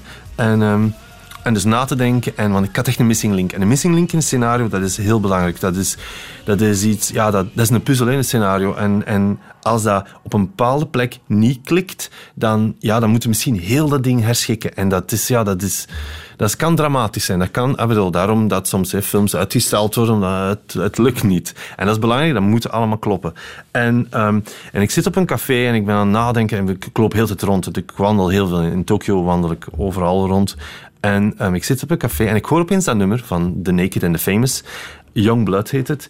En dat, opeens, dat spreekt mij enorm aan, dat nummer. Dus weet je, zo'n instant van, huh, dat klinkt maar hoe dat ik me nu voel.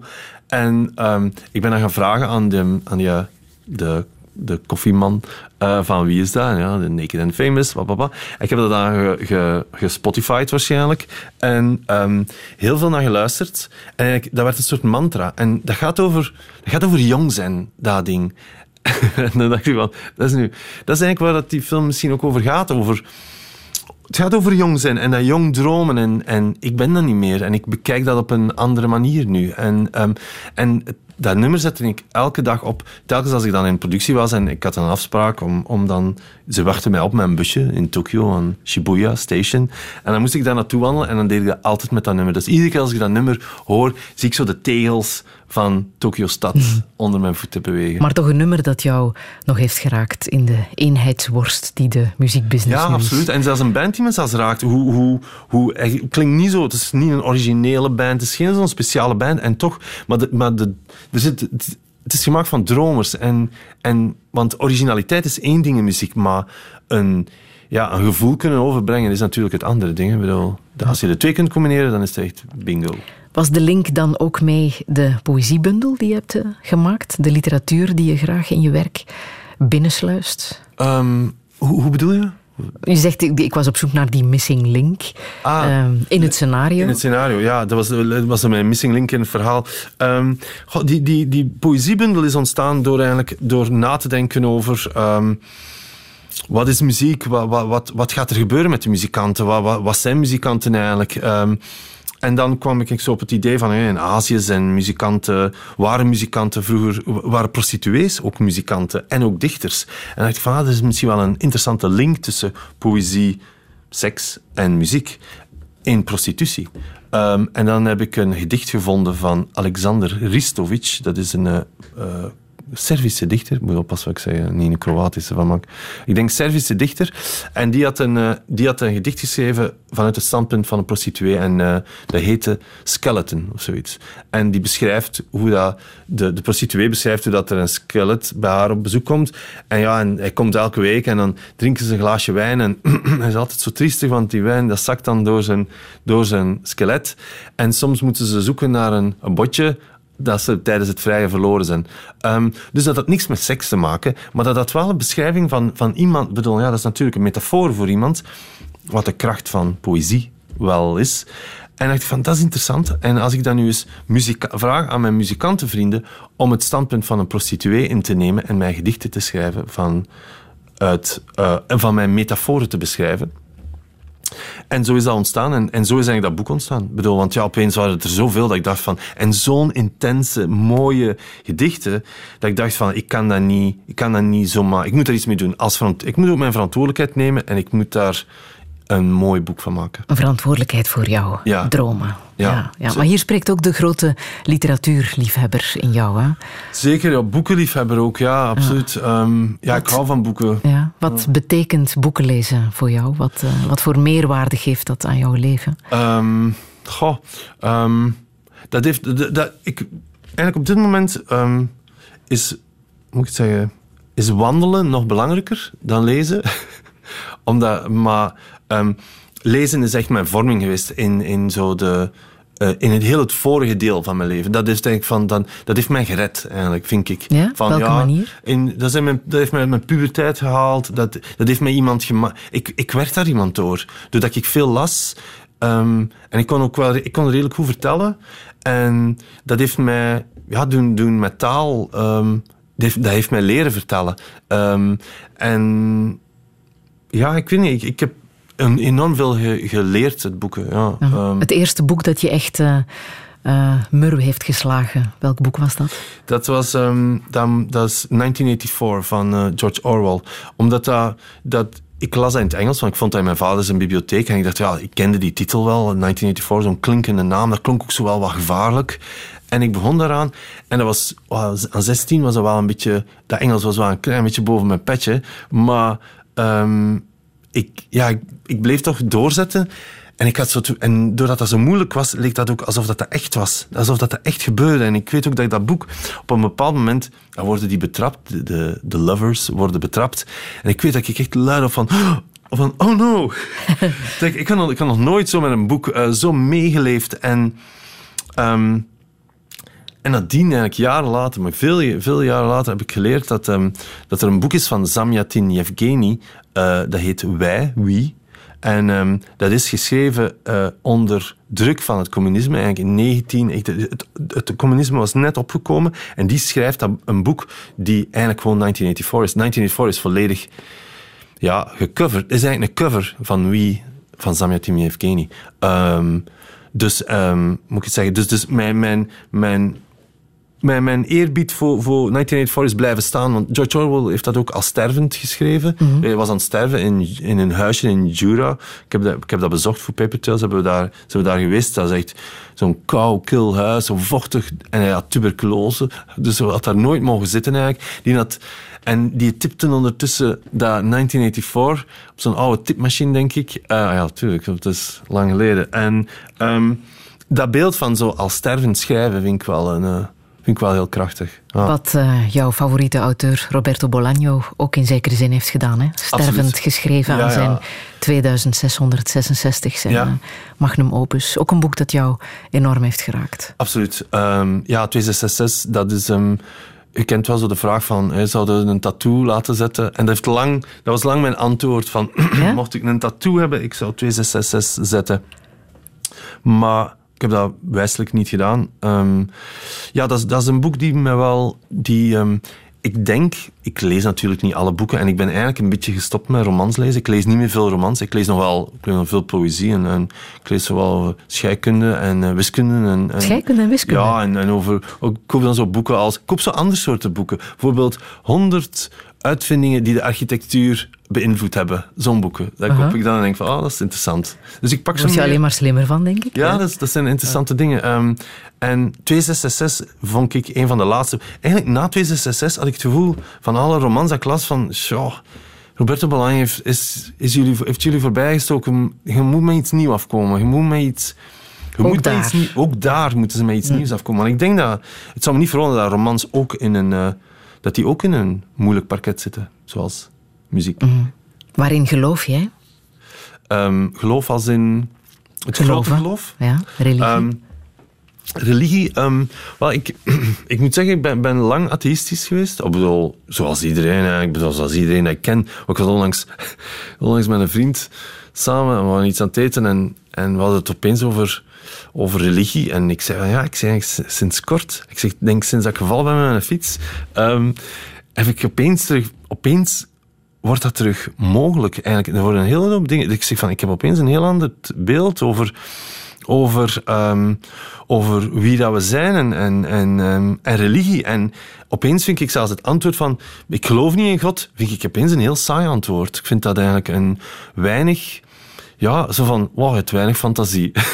zo van, en William Blake, ik ben een grote fan van William Blake. En William Blake, die, dat is een, een grote dichter uit de, de 17e eeuw. En er is een interview met William Blake. En daarin, de interviewer vertelt eigenlijk dat hij William Blake eh, in zijn huis ontmoet.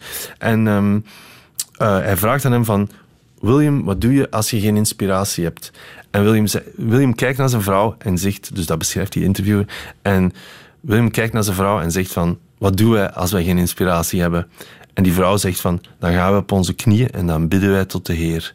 En als William Blake zoiets zegt, dan ben ik geraakt en denk ik van, damn William, je weet iets dat ik niet weet.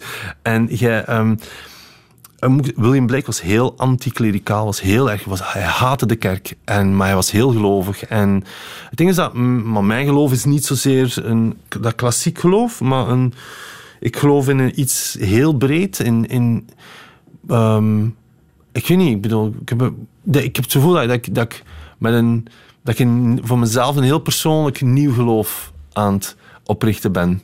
Een heel klein kerkje. Kan je, kan je daar al iets over zeggen, wat dat dan is? Goh, ik denk dat dat, dat zal wel dat zal ook, dat zal ook in beweging zijn, maar Maar er is iets. Ja, er is iets. Er is iets. En het ding is van, vroeger kon ik zo denken van, um, boeddhisme, alles is geconnecteerd. Een heel mooi beeld. Ik bedoel, ik bedoel Darwin, Darwin die... Eigenlijk de wetenschap zit zo wel een beetje mee in mijn geloof eigenlijk. Um, Darwin toont aan van, we komen eigenlijk allemaal, alles wat leeft is geconnecteerd met elkaar. Dat is toch wel eigenlijk een conclusie van Darwin. Een heel mooie conclusie, eigenlijk, eigenlijk door laten we zeggen dat de religies hebben ons eigenlijk een beetje gedistanceerd. Het antropocentrisme, uh, de mens buiten de schepping gezet. Zo van, dat, dat, dat is eigenlijk een van de redenen waarom dat we nu met de opwarming van de aarde zitten. Omdat de mens buiten de schepping stond.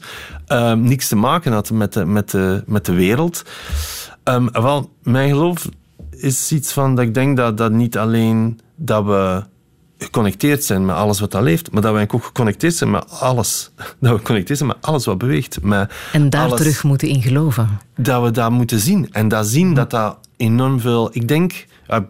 Ja, en, ik merk, ik lees veel over kwantumfysica mhm. en daar merk ik, merk ik eigenlijk dat dat heel tijd aangeraakt wordt. Dat, en dat die kwantumfysici, zo de grote kwantumfysici, de Einstein, Planck, uh, Schrödinger, dat die eigenlijk allemaal op het randje van dat geloof zitten. Dat die op het randje van iets heel poëtisch en ja, metafysisch eigenlijk zijn door naar zoiets klein te kijken als hoe de atomen werken. Dat is toch bangelijk.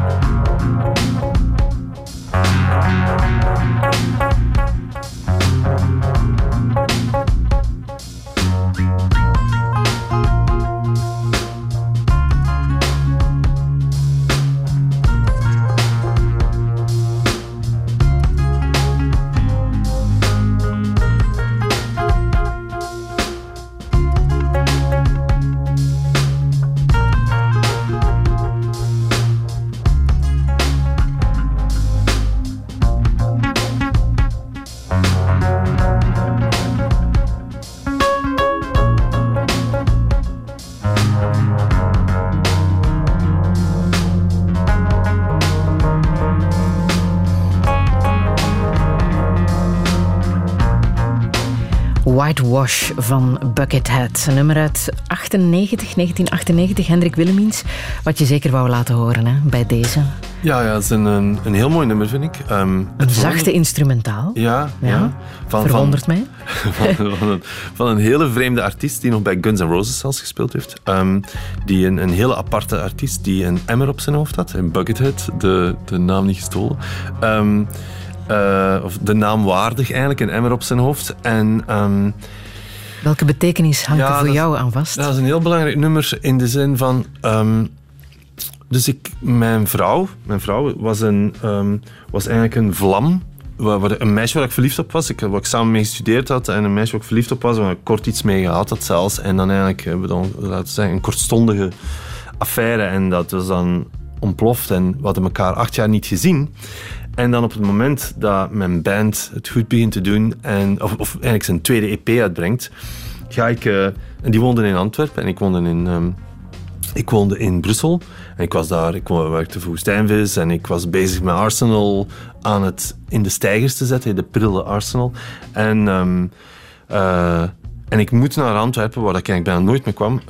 ik moet naar Antwerpen om uh, de persing, de vinylpersing van Avolta te gaan halen. En ik ga iets drinken met een vriend. En, um, en mijn vlam van weleer komt daar binnen in die zaak waar ik zit te drinken en ik word lijkbleek en ik dacht, my god, acht jaar geleden. En dat, ik was smoorverliefd op dat meisje. Ik was echt zo verliefd. En ehm, die had ook mijn hart gebroken. Ik dacht echt van... Ik was echt... Mijn hart was keihard gebroken. En dan zie ik die terug en ik word echt lijkbleek. En die jongen waar ik samen mee was, die zei nog van... Oh, maar je hebt iemand gezien waar dat de boel mee hebt? Ik nee, nee. En dan, ze komt dag zeggen en, en we wisselen telefoonnummers uit en we gaan terug contact opnemen. En het zal niet veel schelen, maar een maand later was ze zwanger van mij dan. Ehm, eh, dus we zijn terug in contact gekomen, we zijn terug uitgegaan. Het was direct, ja, het was, ik, wist al toen, ik wist al toen dat ik ze zag dat, het, dat mijn leven gedaan was. Ik wist dat mijn leven voor altijd veranderd ging zijn. En, dat, dat, ja, en het feit dat hij dan ook onmiddellijk zwanger was, dat, dat klopte daar helemaal in. Um, dat was wel, het was natuurlijk wel een shock. En zoals dat, dat voor iedereen wel. Een, en zo snel. En, en, maar ik wist van, ik wist dat dat ik wist dat het zo moest. Ik wist dat, dat dit de weg dat was. Dat het dat moest Ja, ik wist dat. Ik was, ik was daar zo van overtuigd. En dat nummer heeft zij mij toen in die periode leren kennen. Dat nummer van Buckethead. En ik vond dat heel mooi. En ik was toen ook aan het monteren. En ik heb het ook heel vaak in montages gebruikt. En dat nummer heeft voor mij helemaal die... Ja, die... De, hoe moet ik zeggen? Die bittersweet... Uh, dat bittersweet gevoel van Um, aan de ene kant is er iets gestorven, mijn oude leven, mijn vrijbuitersleven, het uh, weet je, van losbollige, um, ja, losbollige uh, jongvolwassenen naar opeens verantwoordelijkheid, naar een nieuw, een nieuw leven. Dat was echt mijn, oké, van, vanaf nu is het een ander leven. En dus dat nummer heeft dat, ik weet niet, op een of andere manier associeer ik dat, ik weet niet, met bloed in uw mond. Zoiets zo van, zo een zo'n rare smaak, mhm. maar, maar ook goed. Drie kinderen zijn er ondertussen, hè? Drie kinderen, ja. ja. Die vandaag moederdag uh, vieren. Is juist. juist, maar niet in Antwerpen. Goed dat ik jou er aan herinner. Niet in Antwerpen, het is juist. Ja, ja, zwaar. Uh, hoezo hmm. niet in Antwerpen? Ja, niet in Antwerpen. Uh, mijn vrouw heeft dat gisteren nog gezegd. Wij vieren dat in Antwerpen in augustus. Ja, dat is juist. Ah ja, oké. Okay. Je hebt een, je, je hebt een alibi. Ja, ja. Vier je ook moeder met je eigen moeder? Um, ik ga straks naar mijn moeder, ja. ja hoe gaat het daarmee? Mm, um, mm, niet, niet ongelooflijk goed. Uh, ook niet zo slecht. Die heeft, um, um, die heeft een... Uh, moet ik het zeggen? Ja, die heeft... Uh, ja, hoe zeg je dat? die heeft een zware...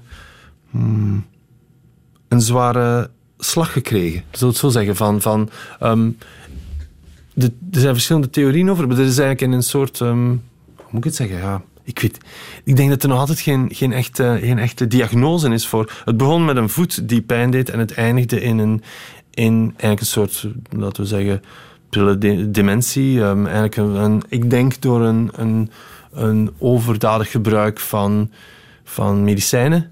Um, is die in een soort, ja, in een. Een um, ja, dat, ik geloof dat dat ataraxie heet. Dat is eigenlijk een, een aandoening van de hersenen door, door, um, door misbruik van mhm. middelen. Is, dat, ja, is die gewoon heel, heel hulpbehoevend, kan niet meer stappen. Kan, uh, maar iemand heeft die medicatie voorgeschreven? Ja. Maakt u dat kwaad? Uh, dat, ja, absoluut, eigenlijk wel. Vooral ook omdat dan het argument was, het argument was dan van, ja, maar ja, als ze het niet bij hem had gekregen, had ze het ergens anders gekregen. En ik denk van, ja, dat is echt wel een drugsdealer, zegt, niet een dokter. Dat is, uh, ja, dat vind ik, uh, dat is, dat is, een dokter moet, zou moeten helpen. Niet, mm en medicijnen zou eigenlijk altijd een laatste, zo'n laatste redding of laatste... En geen verslaving Nee, en zo, een pillen zoals Xanax, dat is... Um, dat is heel zwaar gerief. Ik, bedoel, dat, eigenlijk, ik weet dat ik toen in die periode daarover las en, en dan zag van, dat je dat eigenlijk maar een maand mag nemen, geen 15 jaar. Ben jij eigenlijk gevoelig voor verslaving? Ik, um, um, ik ben er niet ongevoelig aan, alleszins. Ik ben er heel bewust van. Ik ben, wel, ik ben er heel, ik let heel goed op mezelf. Ik denk dat ik een goede. Ik bedoel, een jong kent Jung. Jung, die, de filosoof, die, die, die zegt van, van inwendig heb je verschillende... Je hebt je ich, hè, je, wie dat je bent, en dan je S die je bekijkt, en je uberich. Ik verstel het waarschijnlijk fout, maar het is hoe dat ik het zo'n beetje herinner. En ik heb een... Diegene die naar mezelf kijkt, die is goed ontwikkeld. Die is luid. En als ik te veel drink, zegt hij van, je bent echt te veel aan het drinken. Ik bedoel, dit, je gedrag is niet oké. en dan, ja, dan weet ik van, oké, hier moet ik iets aan doen. En dus maar dat is wel wat je graag doet, hè? Alleen een glas wijn drinken. ik vind dat wel heel leuk, ja.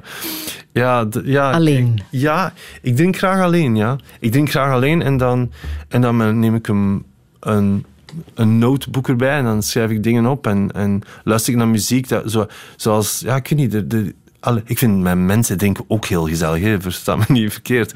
Maar er zijn, er zijn heel veel mensen die, die daar zich voor schamen of die zeggen van, ja, ik drink natuurlijk niet alleen. En ik denk van, ja, ik, ja, ik wel, ik vind het eigenlijk heel leuk. En zeker een lekkere wijn en ja, ik kan er eigenlijk wel van genieten. Maar ik moet er wel mee oppassen. Ik moet, moet wel oppassen. Maar ik moet oppassen met alcohol. Ik vind dat ik, dat moet, moet, ik moet daar um, heel bewust van zijn dat dat dat, ja, dat, dat, dat, dat tot op zekere hoogte goede ideeën heeft. Van op een bepaald moment is dat crap wat er eruit komt. Dus ja, dus, en ik wil, dat, ik wil wel kunnen die... Weet je, de rekker kan op een bepaald moment springen. Hè? Ik wil die rek daarin houden. Dat, dat, dat kan af en toe naar alcohol gaan en dan en, maar dan moet ik af en toe terug. En soms zijn die periodes langer dat ik terug moet. Mhm. Ik stel de vraag natuurlijk omdat je ook wel drugs hebt uh, gebruikt en daarmee geëxperimenteerd hebt. Wist je toen ook waar de grens lag? Of heb je de ehm, grens moeten opzoeken om te weten hoe ver je ik, um, ik, mocht ik, gaan? Ja ik, heb, um, ja, ik heb de grens opgezocht bijna op zo van... Uh, bijvoorbeeld, ik zeg maar iets, als we blind rijden met een auto gaan we dan ergens tegenaan botsen. Zoiets. Het was, het was, dat zat nog in mijn oude, oh, mijn oude destructieve, destructieve ik. Van, van, ja, bedoel, van, van die in mijn puberteit al die heel destructief was. Ja, bedoel, ja dat is zo een soort destructief escapisme van, van, van ja, het escapisme primeerde bovenal en zei van oeh, die pil. Ik weet nog dat iemand zei van van bepaalde drugs. Dat was echt een hele, dat was echt een, echt een soort afwasmiddel van drugs, denk ik. Dat was echt GBH heette dat. En uh, eh, GBH, denk ik. En iemand zei me van, ja, je mag dat pakken, maar je mag zich maar een halve nemen. En um, je mag niet gedronken hebben. En ik, ik was al zat. Ik had, en dat is lang geleden, hè, dat is lang. En ik nam dat helemaal. En omdat iemand jou had gezegd, je mag dat niet helemaal Nee, omdat ik dacht van, oh, whatever. Ik bedoel, het zal wel gaan, zeker. En ik heb toen echt mijn... Ik, heb, ik denk dat ik zes uur aan een stuk overgegeven heb. En dat is mijn redding geweest, want er gingen mensen van in coma, er stierven mensen van. En dat was echt, dat was echt brol. Dat was, dat was ben je toen gestopt? Nee, dat was nog niet, dat was nog niet het moment om te stoppen. Um, ik ben gestopt door, vooral door kinderen te krijgen. En, en um, opeens, ja, u, u, ja ik, kinderen vond ik wel echt... Ik, ik, heb dat wel heel serieus genomen, kinderen. Nog altijd. Ik vind het nog altijd heel, heel belangrijk. Um, Wat als je kinderen zelf beginnen te experimenteren? Dan, ik ga dat... Ik, ik, ik, ga dat begrijpen en ik, ik zou dat eerder begeleiden met alles wat ik weet. Zo van, ik ga u helpen. Wat zou je dan zeggen? Ik zeg van, jij moogt... Uh, dan zal ik zeggen van wat ik weet. Van, wat wil je doen? En ik zal je zeggen wat ik weet. Dat, dat, dat is, vind ik, het minst hypocriete dat ik kan doen. Ik bedoel, wat moet ik doen? Dat verbieden. Dat is belachelijk. Dat is een ozel. Dat is, dat is niet... Dat is geen... Dat, dan help je die daar niet mee. Maar als ik zeg van, oké, dit weet ik allemaal. Um, en vertellen hoe gevaarlijk het kan zijn. Hoe vaar, absoluut. Wat de gevaren zijn. Hoe dat je dat kunt verhinderen. Hoe, hoe dat je, hoe dat, wat, wat je moet doen. En meestal neem je eigenlijk daardoor al gewoon de goesting weg. Ja. ja. Want kinderen... Ja, als je vader dat heeft goedgekeurd, bedoel... Where's the fun in that? Ja. Heb jij ooit uh, dicht bij de dood gestaan? Ik... Um, oh, ik ja, ja. Um, ja. Ik denk twee keer nu eigenlijk toch al. Ja? Um, Ene keer dat ik aangereden ben door een, een auto uh, met een brom. Ik met een brommertje, brommertje en ik werd aangereden en voor dood achtergelaten. En, um, en ik was bewusteloos en ik was geraakt aan mijn slaap. Dus de bloed liep eruit. En ik ben wakker geworden in de mug. Hè de urgentiedienst. Ja. En, um, en gelukkig was dat accident gebeurd naast een, uh, naast een café, dat heette de Boomkwekerij. En was, want het was eigenlijk helemaal op de buiten. En die man had niet gedacht dat er op dat uur, want het was s'nachts, dat er op dat uur nog iemand ging op dat kruispunt komen. En ik had dat ook niet gedacht. Dus ik vlamde. Dat was zo'n zo'n kruispunt die zo... Je moest echt stoppen om te kijken. Dat was helemaal bebouwd, dat kruispunt. Er was niks over. En ik dacht van, nu, 12 uur, op de baan naar Lichtervelde, er gaat niemand zijn. En die dacht, nu, wie gaat er nu naar Lichtervelde? Wam. En die heeft me achtergelaten. Dus ja, dat is vluchtmisdrijf. Ja. En ehm, is nooit gevangen. Eh, ze hebben hem nooit gepakt. Ze hebben er ook nooit echt naar gezocht, ook niet, denk ik. Of toch niet, oh, een beetje wel waarschijnlijk. Maar, ehm, en ehm, ja, dat, dat, daar denk ik toch wel soms van... Ik, dat kan, ik, misschien ben ik daar wel... Was ik daar wel gestorven? Misschien ben ik daar wel gestorven. Je weet dat eigenlijk niet van. Je weet, Ah. ja. Hm. En dat was één keer. Wel, de tweede keer was onlangs. Ik denk iedere keer als je bewusteloos gaat. Ik ben een jaar en een half geleden ehm, gevallen met mijn fiets en heel zwaar. Een oogkast gebroken, een ribben gebroken, en tanden uit en, eh, en een mild hersentrauma. En ook in een soort coma terechtgekomen. En als je in een coma zit, dan ze even naar bewusteloosheid coma gaat, dan, dan, dan heb je het gevoel van dat, dat, ja, dat eigenlijk echt weg geweest zit. Dat het zo even, dat even zo naar nul gegaan is. En denk de dood ook, dat is ook daar, hè. dat is gewoon even naar nul. En niet even, maar ja, even naar nul. Even naar nul. Kijk je nu anders naar het leven? Ja, Wat nog moet komen? Die laatste val heeft ehm, precies de schotten in mijn hoofd ehm, ge- verzet. En ik kijk... eh, ja, ik, dat, heeft, dat heeft wel dat heeft problemen met zich meegebracht. hè, Want opeens had ik eh, impulsproblemen. Ik kon mij niet meer echt... Ja, ik, ik zei wat ik dacht. Als ik, dat is een, schijnt nogal een bekend fenomeen bij dat soort eh, frontale lobkwetsuren. Ehm, ik zei wat ik dacht. Ik deed wat ik dacht dat tof was. En dat bleek niet altijd het tofste te zijn. En dat is nu zo terug gekalmeerd, maar ik merk een verandering in gedachten. Verandering, mijn idee over de dood is helemaal veranderd.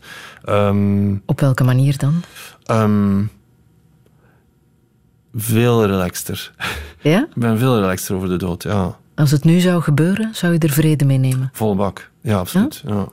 Het enige wat, dat, wat, ja, wat, dan, wat de, de touwtjes die mij binden met mijn familie, die zijn, die zijn, die zijn er en die zijn, die zijn sterk. Maar de, Maar drie Maar- kinderen achterlaten, Dat- dat, daar is het toch veel te dat vroeg is te voor. vroeg voor, ja. Mijn jongste is, mijn jongste is eh, acht. Dat is heel klein, hè. Ja. Ja. Ah. Mm. Je bent nu eh 47, 47, 48? jawel. Ja. Wat zou je dan echt nog willen? Als het Ehm. nog even mag duren. Eh, wat ik echt nog wil is van, ik zou graag. ehm, ehm, ja, ik zou, ik zou graag.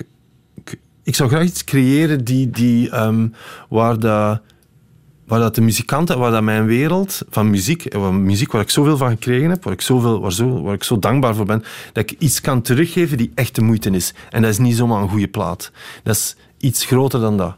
Ehm, dat zou ik heel, dat zou ik, dat is, daar, daar naartoe ben ik aan het werken. En eigenlijk aan de andere kant droom ik nog altijd van ooit in de ruimte te belanden. Dat blijft, hè? Ja, dat blijft. Dat blijft Want hangen. ik denk van, Ja. who knows? Voor, hetzelfde geld maken die binnen vijf jaar ruimtereizen. Hebben ze, zo'n soort, eh, hoe heet het? Hoe heet die? eh, Ryanair. Ryanair voor de ruimte. Wie weet? Je weet het niet. En dan denk ik van, tot, zo, tot die tijd, tot dat ik sterf en dat iemand zegt van, hij gaat nooit in de ruimte, hè, met mijn gezicht in, in de modder. Je blijft bij de aarde. Tot dan droom ik van de ruimte. Arsenal, die bestaan nu 20 jaar, Mhm. gaan spelen op Werchter Boutique. Heb je daar nog wilde toekomstplannen mee? Ehm, ja, ja, die, die, ehm, ja het, het, bedoel, dat is heel moeilijk. Hè? Bedoel, dat, is, dat is geen sinecure om een band die al zo lang bestaat, ehm, daar, nog, ja, daar nog vernieuwende dingen mee te doen, daar nog mee te verrassen en of sterker nog, zelfs, zelfs gevaarlijk mee te zijn. Maar het volgende ding waar ik nu mee bezig ben, wat ik, want de film en dat boek is af, hè, ik bedoel, dat is Ja. ben, niet been there, done that, doing it, hè, want ik ben dat filmconcert. Ik ga volgend jaar op tournee daarmee met, die, met, die, met dat filmconcert. Dus dat is, maar het creatieproces is voorbij. Waar ik nu zit, is eigenlijk een, ja, iets heel nieuw dat ik aan het maken ben, dat ik hoop die gaat werken en die fantastisch gaat zijn, waar dat... waar Mogen we dat daar al iets over weten? Nee, je mag er niks over weten. En ik hoop vooral dat Arsenal daar, ehm, daar blij mee gaat zijn. Welke boodschap wil je hier nog meegeven? Eentje Ehm, om af te ronden. Welke boodschap wil ik meegeven? Ehm ehm, goh. Dat de wereld rond is. Echt? De wereld is rond, ja. En, en dat, is een, dat is een... Hoe zeg je dat? Dat is een... ehm, hoe zeg je dat? Onderschat statement. Mensen denken, eh, dat lijkt van, de wereld is rond van, ja natuurlijk, maar heel weinig mensen beseffen dat de wereld echt rond is. Mensen zijn nog altijd aan het denken op een vlakke dingen, met onder en boven. En met van, het is onder en boven. Nee, het is rond, mensen. We moeten wat meer rond denken. Heel rond, absoluut. Het is een bol en dat gaat over het politieke, oh, dat gaat over het politieke spectrum tot, tot hoe dat jij staat in de wereld, hoe dat je dingen kunt bekijken van er is een andere kant, er is iets die in de schaduw is. Het is een bol. Het is een ronde bol. Laten we eindigen met uh, Last Under Heaven, met uh, Beneath the Concrete, omdat die ook eens mogen gehoord worden op de radio. Hè? graag. Doen we bij deze.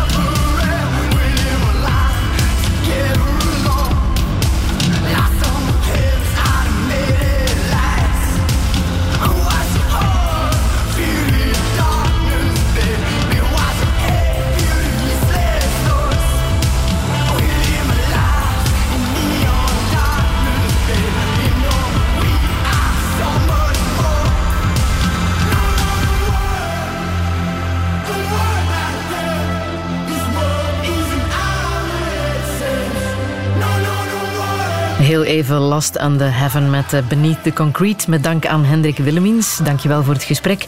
Alle info is zo meteen terug te vinden op onze website radio1.be. Daar kan je ook herbeluisteren en podcasten. En volgende week verwacht ik hier het gezicht van de Gay Pride. En dat is Jawad Ayul. Een heel fijne zondag. Herbeluister Touché via de podcast, de Radio 1-app en radio1.be.